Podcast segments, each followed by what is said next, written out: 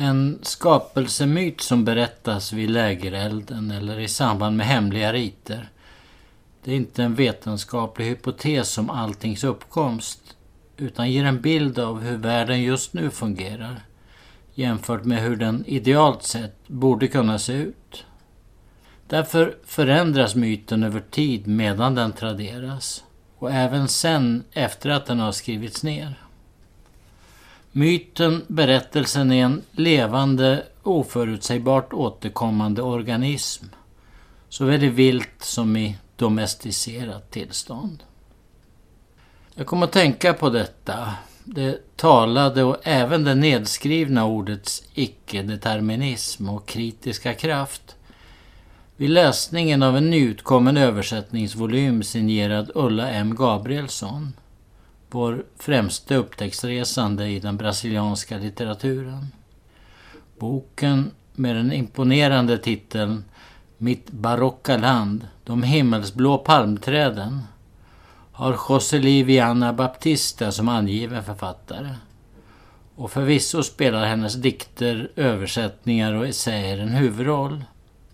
Men historien bakom boken rymmer många upphovspersoner och har många vindlingar. Bara den svenska översättningen är den senaste, men knappast den sista. Guarani, som talas över ett stort område i centrala Sydamerika och fortfarande är ett av två nationalspråk i Paraguay, slog med häpnad de katolska missionärer som följde i erövrarnas fotspår på 1500-1600-talet. Det var nämligen ett språk så fiffigt konstruerat att det kunde misstänkas likna det språk som talades innan syndafallet. Jesuiterna intresserade sig särskilt och lät guarani frodas i särskilda enklaver, så kallade missioner, varefter de grammatiska beskrivningarna spreds över världen.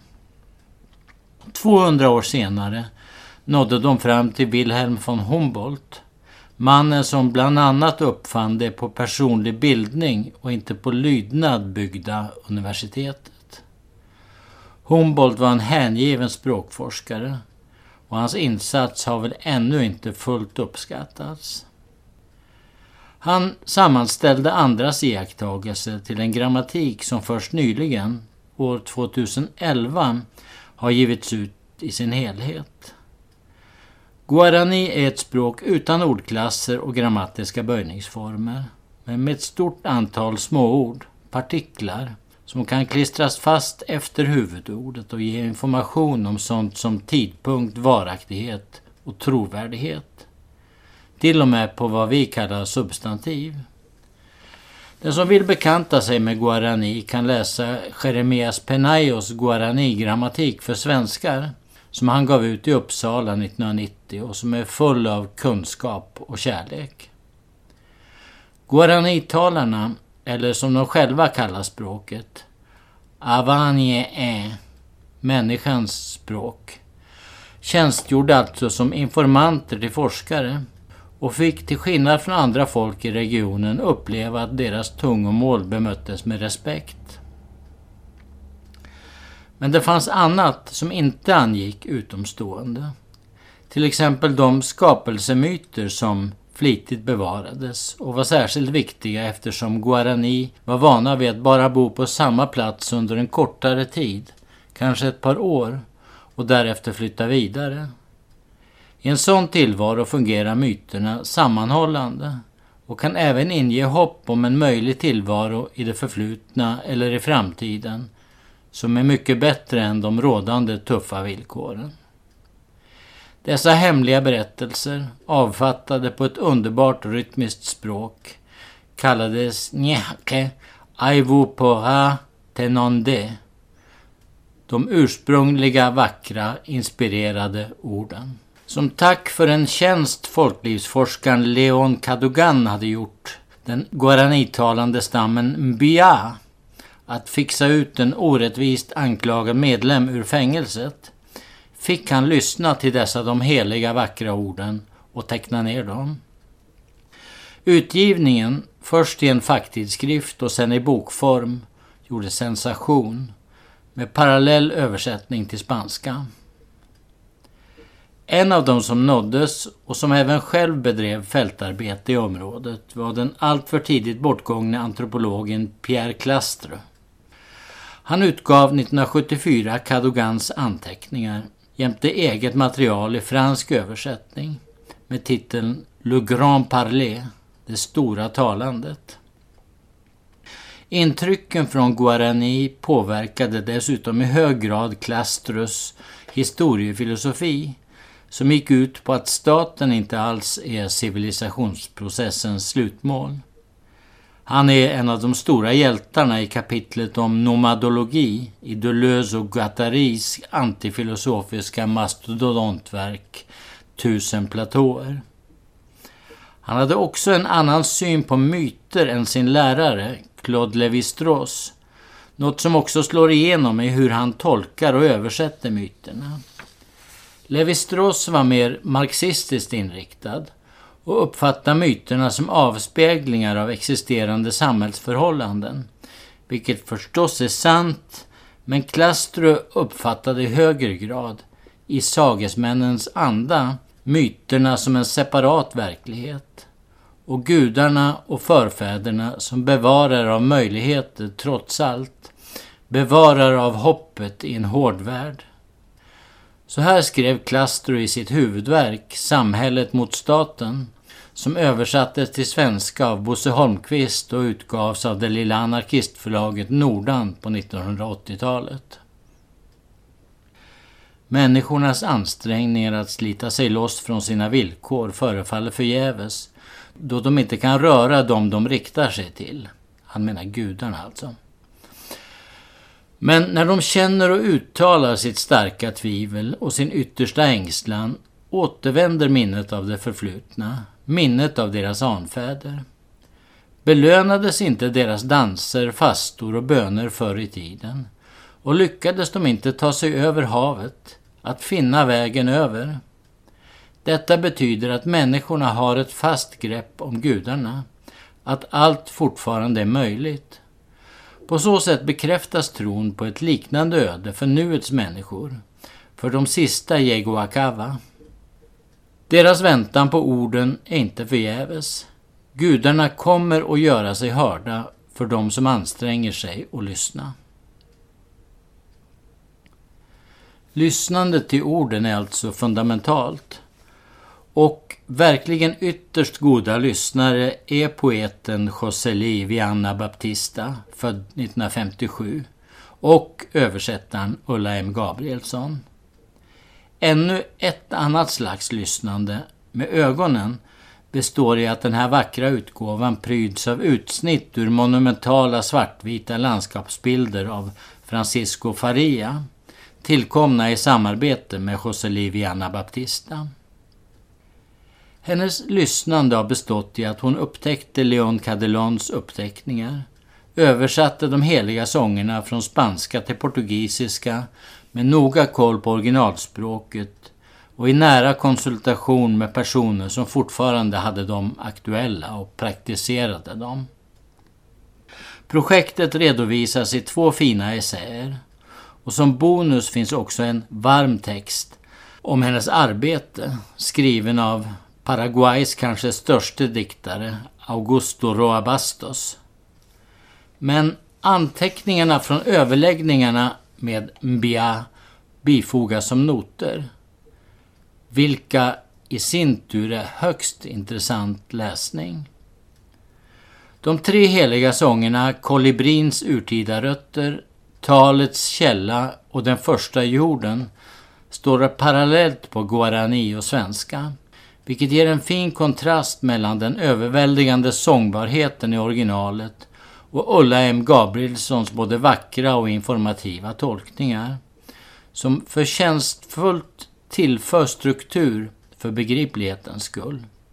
Medan de ljuvliga noterna istället slumpvis och inte alls systematiskt går in på djupet i enskilda ord och klargör de mytologiska referenserna, inklusive i vad mån de kristna inslagen har påverkat Guaranis gudavärld.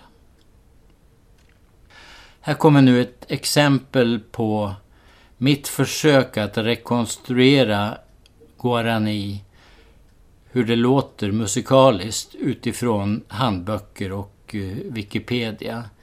Eh, jag ber alla äkta guaranitalare om ursäkt, men jag kände att jag behövde eh, den här ingången till musikaliteten.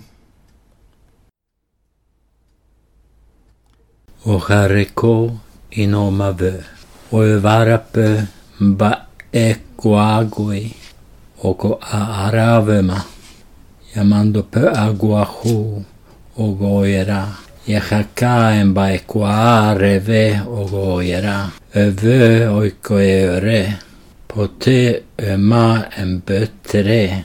Amando pua guahu ogoera. Goa öre taro etera. Goa ore tanje etera. Yamando pua guahu ogoera.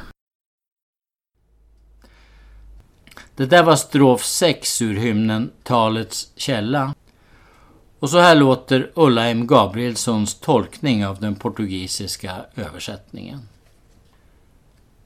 Sedan han länge tänkt djupa tankar, med visdomen i sitt himmelska väsen, i solen från sin alstrande låga, skapade han det stora hjärtats Nyamandu. Han skapade honom i solen från sin alstrande låga. Innan jorden existerade Ur kaos mörker i begynnelsen skapade han det stora hjärtats Nyamandu.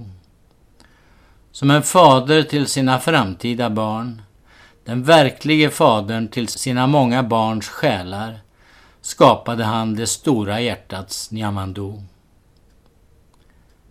Sen i kommentaren får vi reda på att Pikaguachu betyder stor lever. Det vill säga den som har ett gott hjärta och är tapper. Vidare att njeke är ett centralt begrepp som kan översättas ordsjäl. Jag citerar. Begreppet ordsjäl är centralt i Bias mytologi. Språket skapades av den högsta gudomen och språket är av gudomligt ursprung. Ordsjälens embryo är utsänt av gudarna till jorden för att bebo en nyfödd varelse. I den poetiska översättningen står det dock bara själar, inte ordsjälar. Och jag kan gott förstå den motviljan mot semantisk överladdning som kan ta koll på en översättning. Så kan man bli sittande med originaltexten som är en sudoku och försöka klura ut hur orden hänger ihop. Ord som börjar på bokstaven O, Å, är som regel tredjepersonsformer av vad vi uppfattar som verb. Ogoreera, som återkommer flera gånger, betyder alltså han skapade.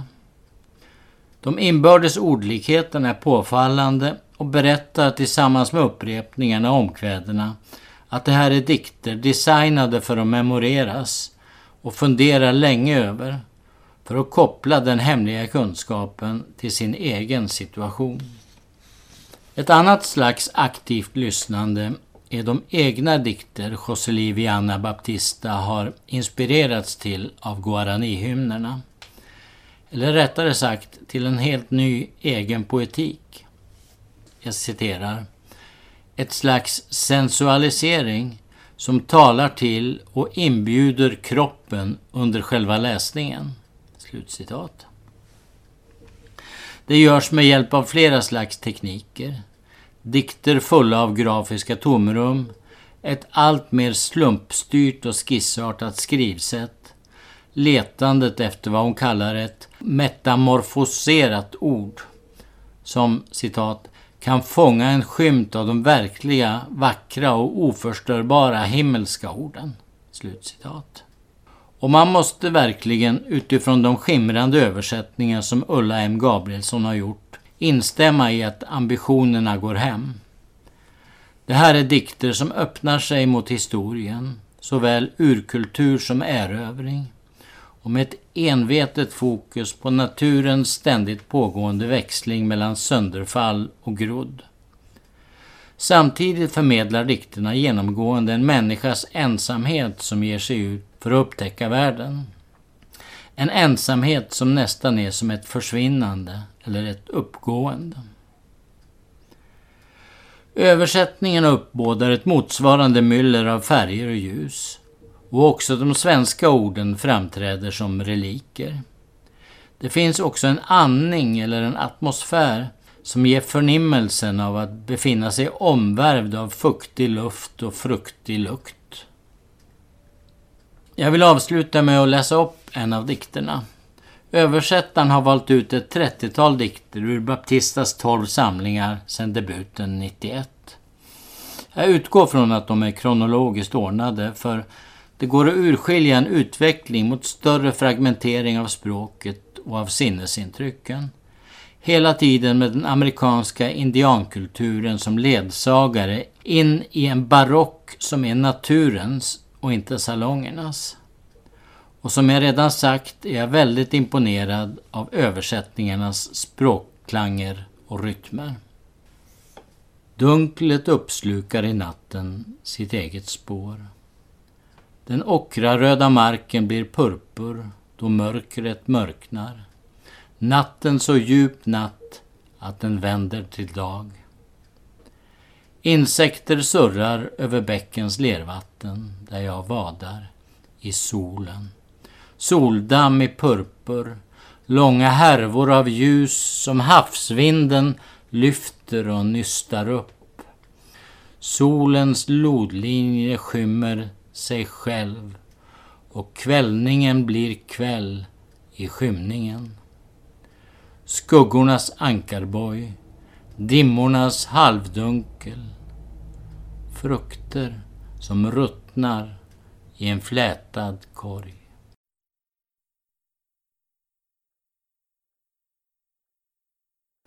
Den här recensionen är originalpublicerad på www.ornenochkrakan.se under ansvarigt utgivarskap.